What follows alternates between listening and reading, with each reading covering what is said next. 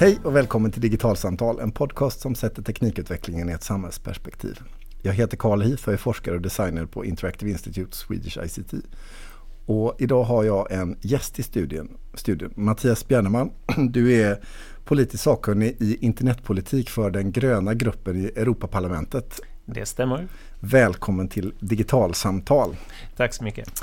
Eh, när man jobbar som politisk sakkunnig i Europaparlamentet så föreställer jag mig att eh, jag ser framför mig liksom den gråa vardagen som EU-byråkrat. Men sen så eh, håller du också på med internetpolitik. Och om man skulle liksom försöka börja någonstans med att reda i begreppen lite grann. Så, alltså, om du skulle liksom ge dig på att definiera vad internetpolitik är ur ett EU-perspektiv. Hur skulle det låta? Eh, jag tror att det skulle bli väldigt knepigt. Det finns, det finns ingen tydlig avgränsning för vad som är internetpolitik. Eh, I parlamentet så finns det inget utskott som jobbar med internetfrågor utan det är spritt i industriutskottet, i utskottet för inre marknad, i det rättsliga utskottet, eh, i utskottet för medborgarrättsfrågor och i andra utskott. Det är spritt överallt.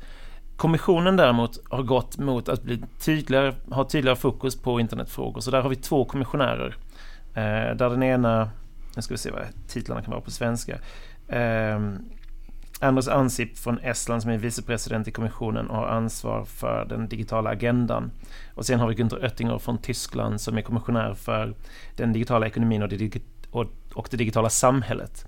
Eh, och var deras gränsdragningar går mot varandra är väldigt, väldigt oklart. Okej, okay, så vi har ju att göra med de här olika politiska kropparna, kommissionen och parlamentet och där liksom hur de här frågorna är organiserade är väldigt olika i de olika miljöerna såklart, men och där det också är svårt med gränsdragningar generellt. Så det blir ett, liksom, det är ett sånt här område som, som så mycket går på tvären överallt i hela EU-sammanhanget. Kan, kan, man säga så? Definitivt. Digitaliseringen slår ju i alla delar av samhället så att eh, det har förts diskussioner om parlamentet borde följa efter kommissionen och skapa ett utskott för, för internetfrågor eh, eller digitala frågor. Men det, det har inte skett. Parlamentet vill eh, föra sin egen tillvaro och göra på sitt sätt och kommissionen vill göra på sitt sätt. I Sverige och i en svensk kontext så har ju internetpolitiken ofta kommit att vara så att säga andra området för en minister som har energifrågan som sin huvudfåra eller någon annan fråga. Och så har det varierat lite över åren hur man har liksom valt att positionera eh, internetpolitiken som också eh, upplever jag har kommit att präglat ganska mycket av de infrastrukturella frågorna som en konsekvens av var politiken har kommit att ligga någonstans. Och då tänker jag hur är liksom, vad är om man skulle liksom titta på vad är hur ser det ut i EU när det gäller internetpolitiken? Vilka områden är det vi pratar om som är liksom de breda områdena och håller du med mig i min reflektion? Eh, jag tror att du har bättre koll på eh, hur, hur ministrar i Sverige upplever sina portföljer men med den nuvarande regeringen var det ju väldigt roligt att se att vi fick två IT-ministrar innan de kom fram till vem som faktiskt hade ansvar för de frågorna. Eh, I, i, eh, i EU så har varit, under denna kommissionen och förra har man haft personer ansvariga för digitala frågor. Eh, I den här kommissionen ännu tydligare än förra. Men om man ska dra kopplingen till, till infrastrukturen, vår, vår kommissionär för den digitala ekonomin och det digitala samhället, eh, Eh, Günther Oettinger, var tidigare under förra kommissionen kommissionär för energifrågor. Eh, och när han blev utfrågad över hans lämplighet att ha ansvar för det här så sa han att internet är ungefär som, som elnätet, det är kablar i marken. Ehm, så att det, det finns ju paralleller där. Ehm, sen så är ju frågan mycket bredare och det har han väl fått lära sig under, under resans gång. Vad skulle du säga är de stora frågorna som eh, diskuteras i EU eh, e vad gäller just internetpolitik? Eh, det som har varit väldigt stort de senaste åren är ju dataskyddsförordningen som ersätter personuppgiftslagen och som reglerar all användning av personuppgifter på, på nätet men även utanför nätet. Men det är främst på nätet som det blivit aktuellt eftersom det finns en sån enorm handel med data. Så personuppgifter det är ett stort område. Har vi några andra? Eh, den här kommissionen har sagt att upphovsrätten kommer att vara ett stort område. Man upplever att upphovsrätten och nätet inte funkar ihop, så man har börjat fila på hur man ska kunna reformera upphovsrätten. Och där kan man se att det intressant, intressanta är att hela avdelningen i kommissionen som jobbade med upphovsrätt flyttades från DJ Markt, som är då eh, direktoralgeneral, direktoral, generaldirektoratet för eh, marknadsfrågor till eh, DJ Connect som är eh, direktoral, generaldirektoratet för digitala frågor. Så man, man sa att upphovsrätten är inte längre en marknadsfråga främst, utan det är en digital fråga främst. Och finns det fler områden innan vi nördar loss på? Um, den digitala ekonomin. Uh, och den, den breder sig ganska stort. Där, där finns det massa underfrågor som, som alla går in där med spektrumallokering och digitala kontrakt, uh, infrastruktursatsningar, forskning, mängder. Den digitala ekonomin, eh, Internet of Things diskuteras där också. Så ja, ska vi börja beta av de här eh, stora frågorna och titta lite grann på vad de innebär. Om vi börjar med personuppgiftsområdet så i en svensk debatt och i en svensk kontext så pratar vi om personuppgiftslagen primärt. Eh, men om jag förstår det här rätt så innebär ju det att personuppgiftslagen ersätts i någon mening av ett bredare eh, en bredare EU-förordning som också har, eh, tar i beaktande mycket av de sakerna vi har kommit att prata om som privacyfrågor. Är det, är det ungefär så jag ska förstå det hela eller hur funkar det här? Ja, skälet att vi har personuppgiftslagen i Sverige är att vi gick med i EU.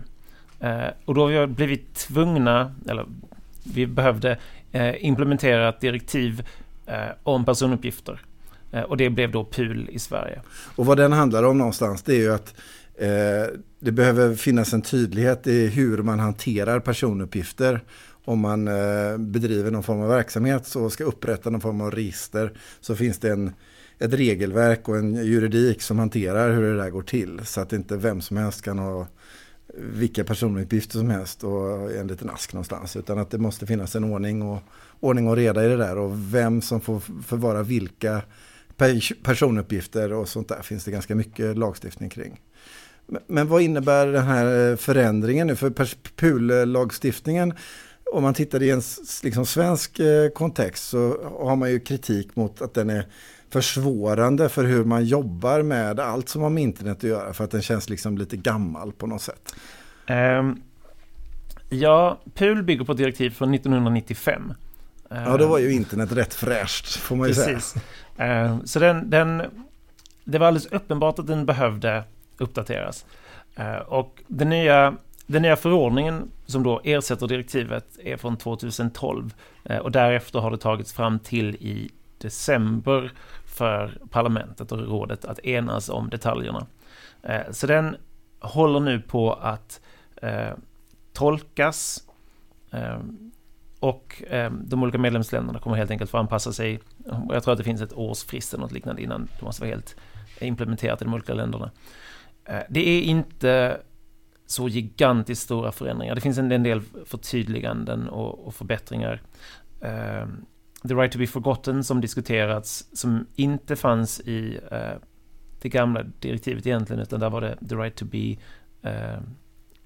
The index, eller the right to be erased eller vad man vill kalla det, har blivit tydligare och eh, starkare. Om vi bara ska förklara right to be forgotten. Det var en diskussion som uppstod för ett antal år sedan blir det väl nu, och det var ett spanskt rättfall om det, jag inte minns fel. Det är en spansk person som blev upprörd över att när man googlade hans namn så hamnade vad han tyckte irrelevanta uppgifter överst. Eh, så han krävde att Google skulle ta bort det. Eh, och, så, så, det handlar inte om att ta bort själva källan till det hela utan ta bort sökresultatet precis. till källan. Det indexerar sökresultat. Uh, och det blev en stor uh, strid och med Barbara Streisand-effekten så om man söker på hans namn nu så hamnar man ju om alla diskussioner om Right to be forgotten. Okej, så man kan säga att uh, vad konsekvensen blev av hans rättskamp det var att han själv fick ett stort problem men det har blivit en juridisk förändring kring Right to be forgotten och som man också kan se när man googlar. Precis, och Google har ju varit extremt upprörda över det här. Eh, de gillar inte att... Varför då? De gillar inte att någon annan än Google ska få bestämma hur deras algoritmer fungerar. Så de hade en, en gigantisk kampanj i Europa där de drog runt och förklarade hur fruktansvärt dåligt The Right to be Forgotten var för allting. Och om man nu söker på personnamn så kommer det upp en liten ruta som säger att det kan vara så att relevant information tagits bort på grund av europeisk dataskyddslagstiftning. Eh, så de är inte alls nöjda med, med utfallet i, i i det. Och vad, vad, finns det annars när vi pratar om det här nya direktivet? Vad är det för um, Vad är det för andra nytt som eh, uppstår? Företag, väldigt mycket riktar sig på företag. Företag som behandlar persondata behöver ha en, en, eh, en ansvarig person som, eh, med ansvar för dataskydd. Det har man inte behövt tidigare. Så finns det undantag för små och medelstora företag. Men alla företag som behandlar persondata behöver en dataskyddsofficer som som ska säkerställa att det hela går rätt till. Och vad, vad innebär det liksom för kontrollsystemen? Jag kan tänka mig att det här förändrar lite grann Datainspektionens roll i Sverige. Eh, jag vet inte om den biten gör det, men dataskydds... Datainspektionen får starkare mandat. Eh, det man ville uppnå med förordningen var en, vad de kallar en one-stop shop att ett företag skulle veta att vad en dataskyddsmyndighet i ett land sa gällde i hela unionen så att de inte behövde anpassa sig till olika regelverk. Ah, för såklart så handlar det här om att om jag vill liksom ha en affär och bedriva en internetverksamhet och eh, vara i EU och verka på den inre marknaden med alla de här länderna så ska jag inte ha liksom 27 olika lagstiftningar att förhålla mig till utan att... Precis. Det, det är ju skälet att man gått från ett direktiv som då implementeras olika olika medlemsländer till en förordning som ska gälla exakt likadant i alla länder. Eh, och man har även gjort eh, tydligare vad dataskyddsmyndigheternas uppgifter är. Ehm, och det finns, eh, man bygger upp en europeisk nivå där ett enskilt medlemslands dataskyddsmyndighet kan inhämta stöd från om de vill ha hjälp med tolkning i något fall. Så man ger dem mer tänder.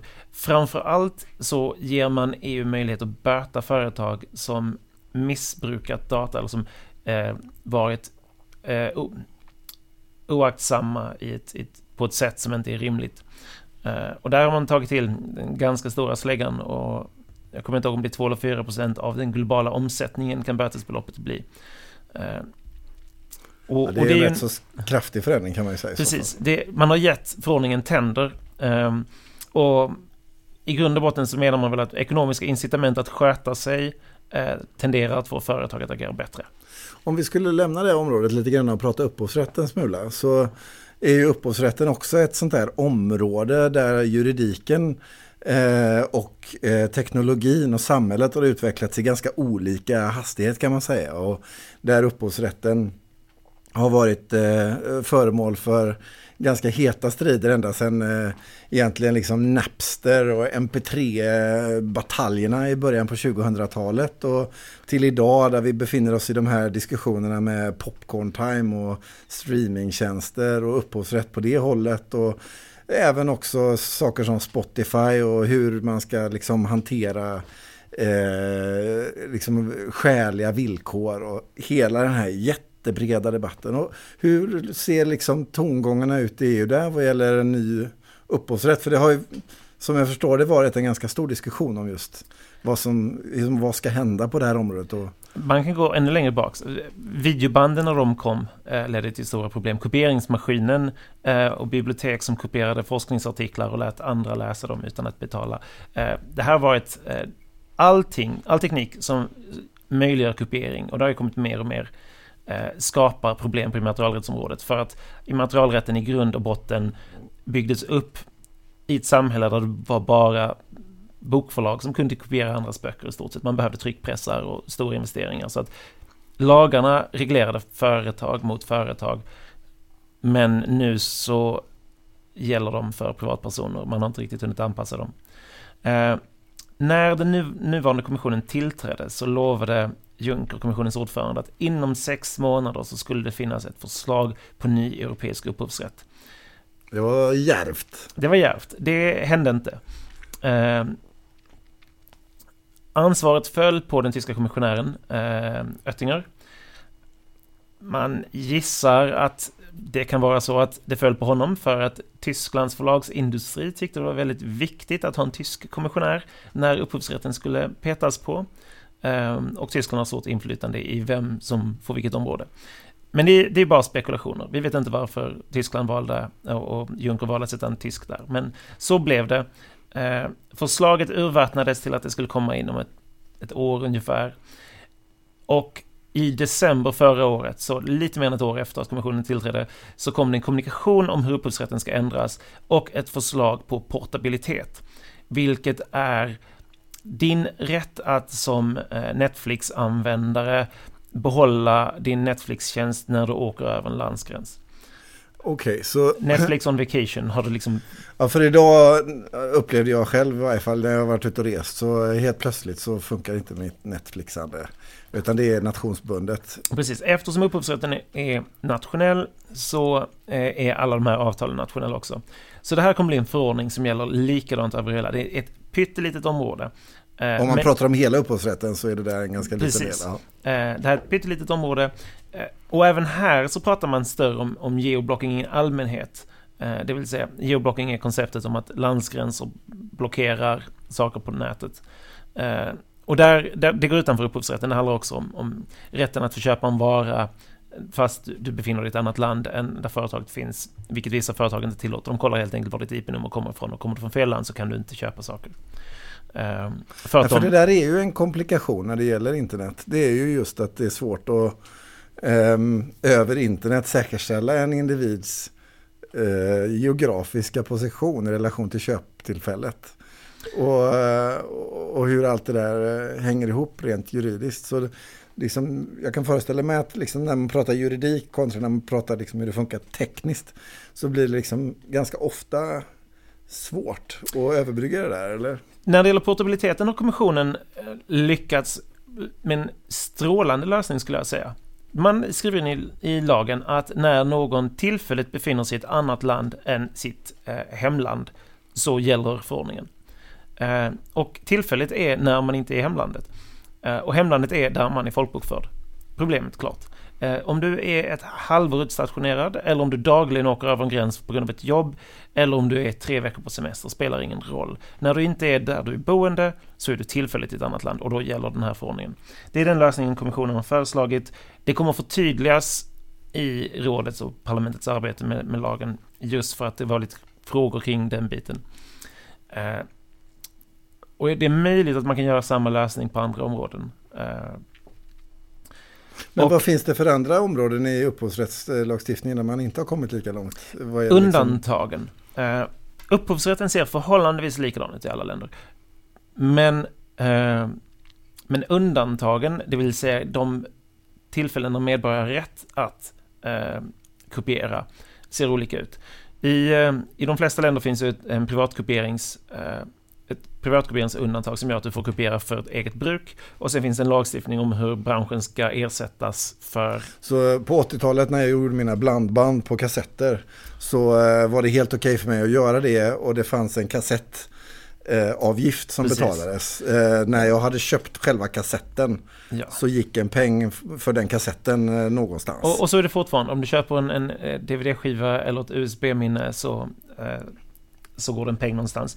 Nu är då elektronikbranschen i luven på eh, Copyswede som har hand om den här ersättningen i Sverige. För att de är oense om vad som ska gälla. För Copyswede tycker att det ska gälla mobiltelefoner och datorer och allting som man möjligtvis kan kopiera på. Och branschen tycker att vi kopierar mycket mindre nu eftersom vi har streamingtjänster. Så att det är helt orimligt att Copyswede ska utöka det här. Särskilt som Copyswede då gör det genom att omtolka lagen. Det är inte lagen som ändras utan det är Copyswedes tolkning som, som ändras så att de ska bredda sitt okay, område. Så, så där det kanske tidigare var liksom en tydligare rågång så eftersom teknikutvecklingen har förändrats så har också branschernas attityd och relation till liksom, hur det här systemet ser ut också kommit att förändras. Precis. Och, och problemet som man kan lägga till då är att den här eh, ersättningen är då nationell, så den ser olika ut i olika länder. Vissa länder har en, en avgift som vi har. Ja, och då har... när man liksom är utifrån ett EU-perspektiv pratar om en liksom gemensam marknad med gemensamma villkor så blir det här då liksom på något sätt marknadshinder. Är det så man tolkar det då? Precis, det är helt enkelt så att vissa länder tjänar på att eh, branschen där inte behöver lägga på en, en avgift som andra gör. Det här kommer nog inte ändras. Det är alldeles för känsligt att peta i privatkopieringsersättningen. Men vad är det som är känsligt i, i den frågan? Alltså, är det liksom mellan länder som känsligheten är eller är det mellan branscher? Och, eller liksom var går, eh, var går skiljelinjerna liksom? Den största skiljelinjen är ju huruvida man har en, en, en mellanhand som Copyswede som distribuerar pengarna eh, eller inte. Okej, så det finns eh, länder som har den modellen, modellen och så Precis. finns det länder som inte har den modellen? Ja, och nivån på ersättningen är ju helt olika i olika länder också. Eh, eftersom det är en ersättning för skälig förlust. Och eftersom man inte på något sätt kan reda ut hur mycket förlust eh, någon gör på att man kopierar eh, musik på en USB-sticka för att ha backup. Eh, det går ju inte att utreda. Det, det är helt godtyckligt hur mycket förlust man upplever där. Så blir ju nivåerna olika i olika länder för att man gör godtyckliga tolkningar.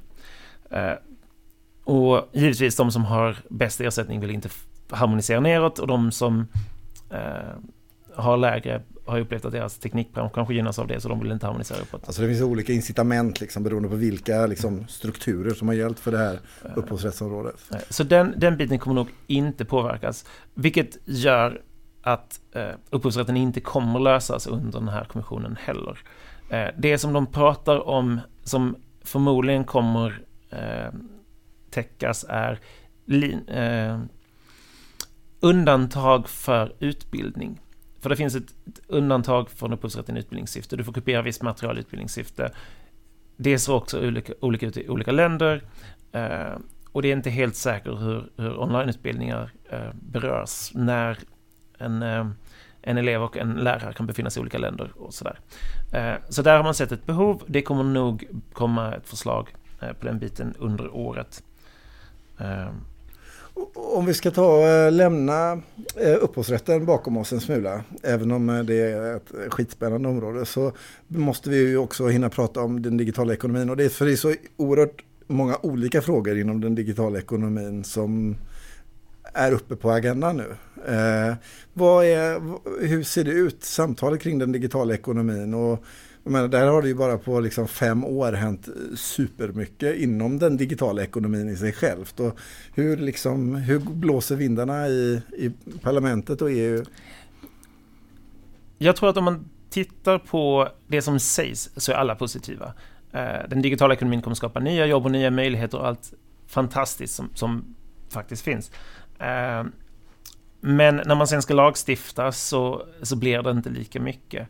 För att den är disruptiv. Det, branscher ändras, eh, saker som har fungerat fungerar inte längre, nya grejer växer fram. Eh, ingen vet riktigt eh, hur det kommer att bli. Så alla säger positiva saker, men när man tittar på vad som kanske kommer lagstiftningsmässigt så verkar den största grejen som eh, jag oroar mig för är en reglering av plattformar. Och vad menar man då med reglering av plattformar i det här fallet? En plattform är en eh, operatör som sammanbinder två andra aktörer på marknaden. Eh, I princip, om du har ett forum där du har reklam och eh, användare så skulle det kunna vara en plattform. Facebook är alldeles uppenbart en plattform. Det finns en jättelång lista. Google är en plattform, Apple Store är en plattform. Eh, I princip allting vi använder på nätet nu är en plattform. Så man har inte riktigt snävat av vad man vill träffa, men eh, det man vill göra är väl att man vill få de amerikanska stora plattformarna att på något sätt eh, skicka över pengar till andra del i, i, i kedjan. Eh, så min gissning är att man kommer på något sätt försöka hitta ett sätt som man kan eh, beskatta dem, eh, även om man inte kommer kalla det en skatt.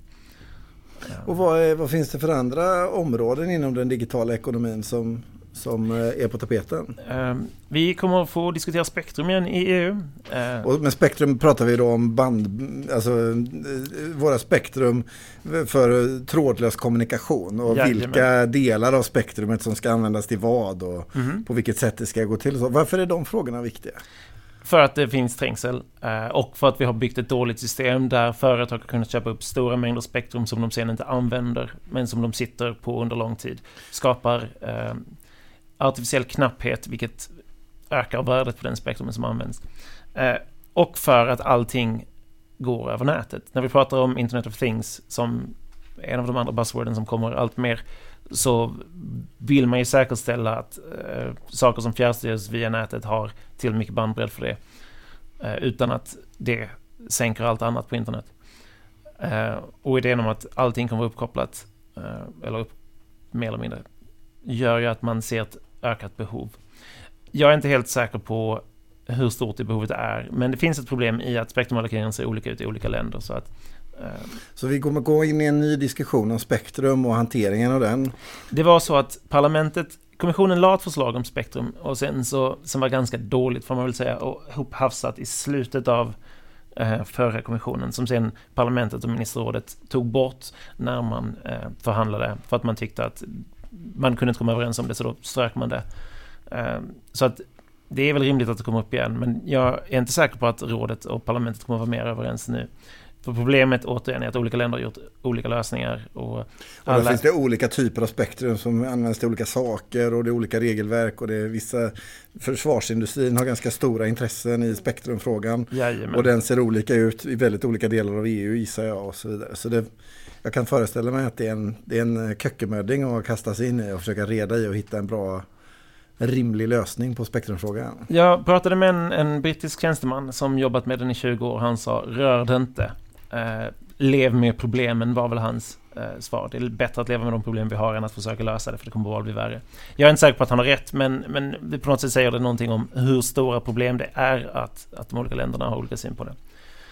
Och nu står vi också inför en situation med ett liksom ganska skakigt EU i en turbulent värld med mycket liksom politiska omvärldshändelser som också sätter tryck på också den digitala politiken. Jag menar vi har ju haft flera incidenter de sista tre, fyra, fem åren som verkligen accentuerat komplexiteten i en liksom europeisk internetpolitik. Vi har eh, Snowden såklart och eh, Merkels avlyssningar och vi har eh, frågan om, eh, om hur vi eh, som medborgare ska bli, vara avlyssnade eller inte. Och liksom, vi hade den svenska FRA-debatten och den fanns det ju en spegling av i många andra europeiska länder också såklart. Så det har funnits en eh, ganska mycket turbulens i området. Och, och Europaparlamentet har väl lite grann stuckit ut hakan också inom ett flertal sådana här områden och bjudit in till exempel eh, in, liksom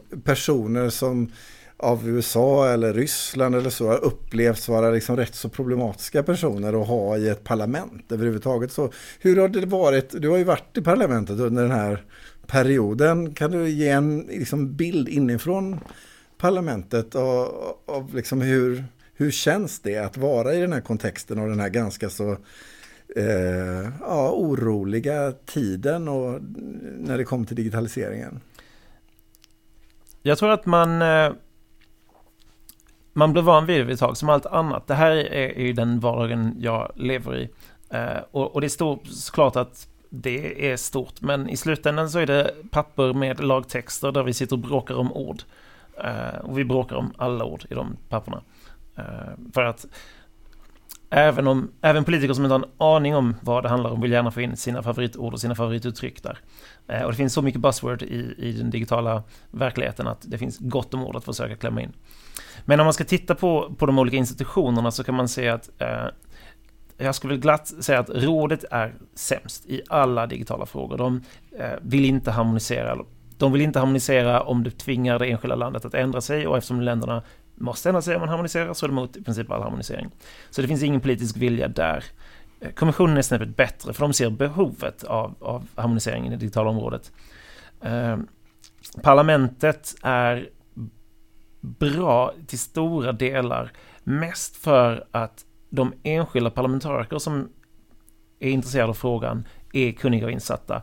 Eh, och eftersom de flesta andra inte riktigt har greppat det hela så kan de politiker som är duktiga driva parlamentet framåt och vara en mer progressiv kraft. Men det bästa skyddet vi har är domstolen. Eh, EU-domstolen som slog ner datalagringsdirektivet.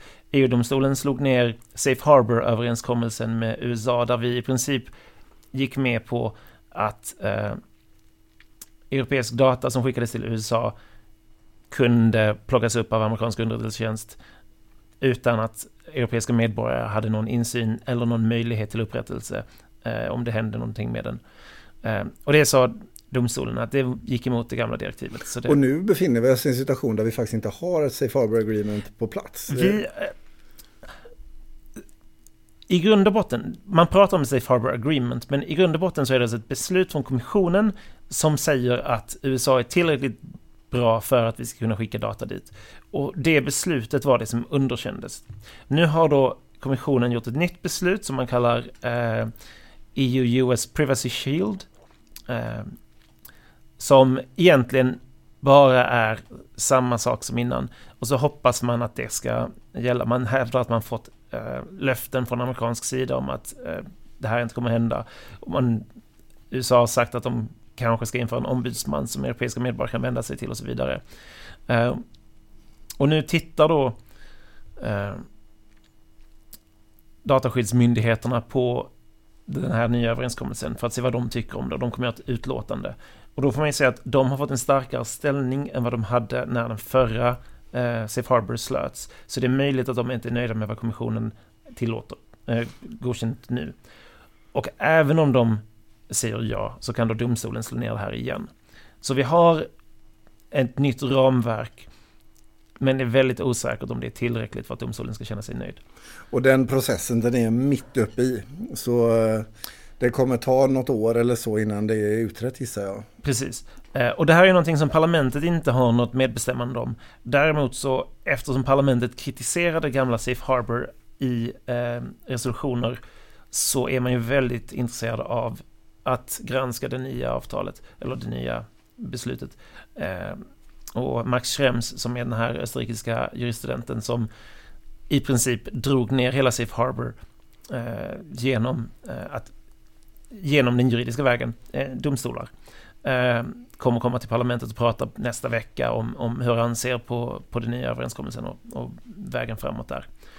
Så det händer grejer inom eh, internetpolitiken as we speak och jag gissar att eh, mycket av de här frågorna är sådana som eh, eh kommer tillbaka i takt med att det uppstår nya skeenden och förlopp. Och jag gissar att i takt med att digitaliseringen fortskrider, framförallt vad gäller just de här eh, digitala ekonomifrågorna och internet of things och utvecklingen vad gäller och behovet av nya nät och sådär, att det kommer bli ett större tryck på frågorna de nästa åren kan jag föreställa mig också. Det är ju redan så att den nuvarande eh, mandatperioden med nya kommissionen lägger ett mycket större fokus på digitala frågor än vad den förra gjorde. Uh, och jag skulle bli extremt förvånad om inte nästa kommission har ett ännu större område. Uh, vad upplever du liksom att staterna hänger med i den digitala utvecklingen här? Eller det, ser det jätteolika ut mellan de 27? Problemet är att rådet som representerar medlemsländerna vill inte stöta sig med någon. Så att om någon släpar efter så väntar rådet gärna in på den långsammaste. Så att eh, därför tenderar rådet att vara en bromskloss. Så att vissa länder är milsvider efter andra. Och sen finns det enskilda föregångsland. Estland är ju eh, utan tvekan eh, det mest progressiva landet. Med... Och de har ju infört alla de här sakerna som e-legitimation eh, och, eh, där du kan jobba med, alltså mycket av liksom allt som har med affärer att göra eh, finns är digitaliserat idag och en stor del av statsapparaten och sådär. Finns, vad finns det för andra länder som liksom ligger långt fram? Eh, Sverige ligger hyfsat bra till får man väl säga. Vi har haft en IT-utbyggnad under lång tid och så vidare. Så att vi ska inte skämmas allt för mycket. De nordiska länderna överlag. Eh, Storbritannien ligger ganska långt fram på många delar av det här. Eh, digitaliseringen av banksektorn där har ju gått väldigt långt. Eh, och framförallt så skulle jag säga att de har ehm, Statsapparaten har insett värdet av det. De har väldigt många tjänstemän som jobbar med de här frågorna så till så att, att, att eh, myndigheterna ligger långt fram. Det finns en hel del forskning i Storbritannien också som är intressant att följa. De försökte uppdatera sin, de gjorde en eh, uppdatering av den brittiska upphovsrätten nyligen som gick hyfsat bra, inte så långt som den behövde, men, men ett steg i rätt riktning efter att de legat lite efter på det området. Ehm, och sen så är det också vissa länder där man kan säga att det finns en, en stor stad-landsbygd-konflikt. En del östeuropeiska länder som lyckats bygga väldigt bra fibernät i huvudstäderna men där resten av landet ligger väldigt långt efter.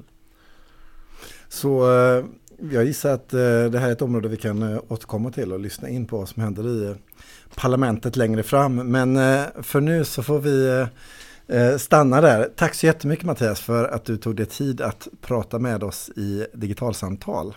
Ja, tack för att jag fick komma hit. Eh, med det här så är dagens podcast slut. Hör gärna av er med kommentarer, tankar och funderingar i Facebookgruppen Digital samhällskunskap. Och har ni en fråga till oss, tveka inte att höra av er. Eh, det går jättebra att skicka frågor på mail och adressen är i så fall podcast.digitalsamtal.se. På Twitter finns vi på digitalsamtal och prenumererar ni på podcasten genom iTunes eller några andra prenumerationstjänster får ni gärna kommentera och ratea programmet så vi hamnar högt upp bland sökresultaten och fler får möjlighet att hitta till oss. Men till nästa gång Hej då!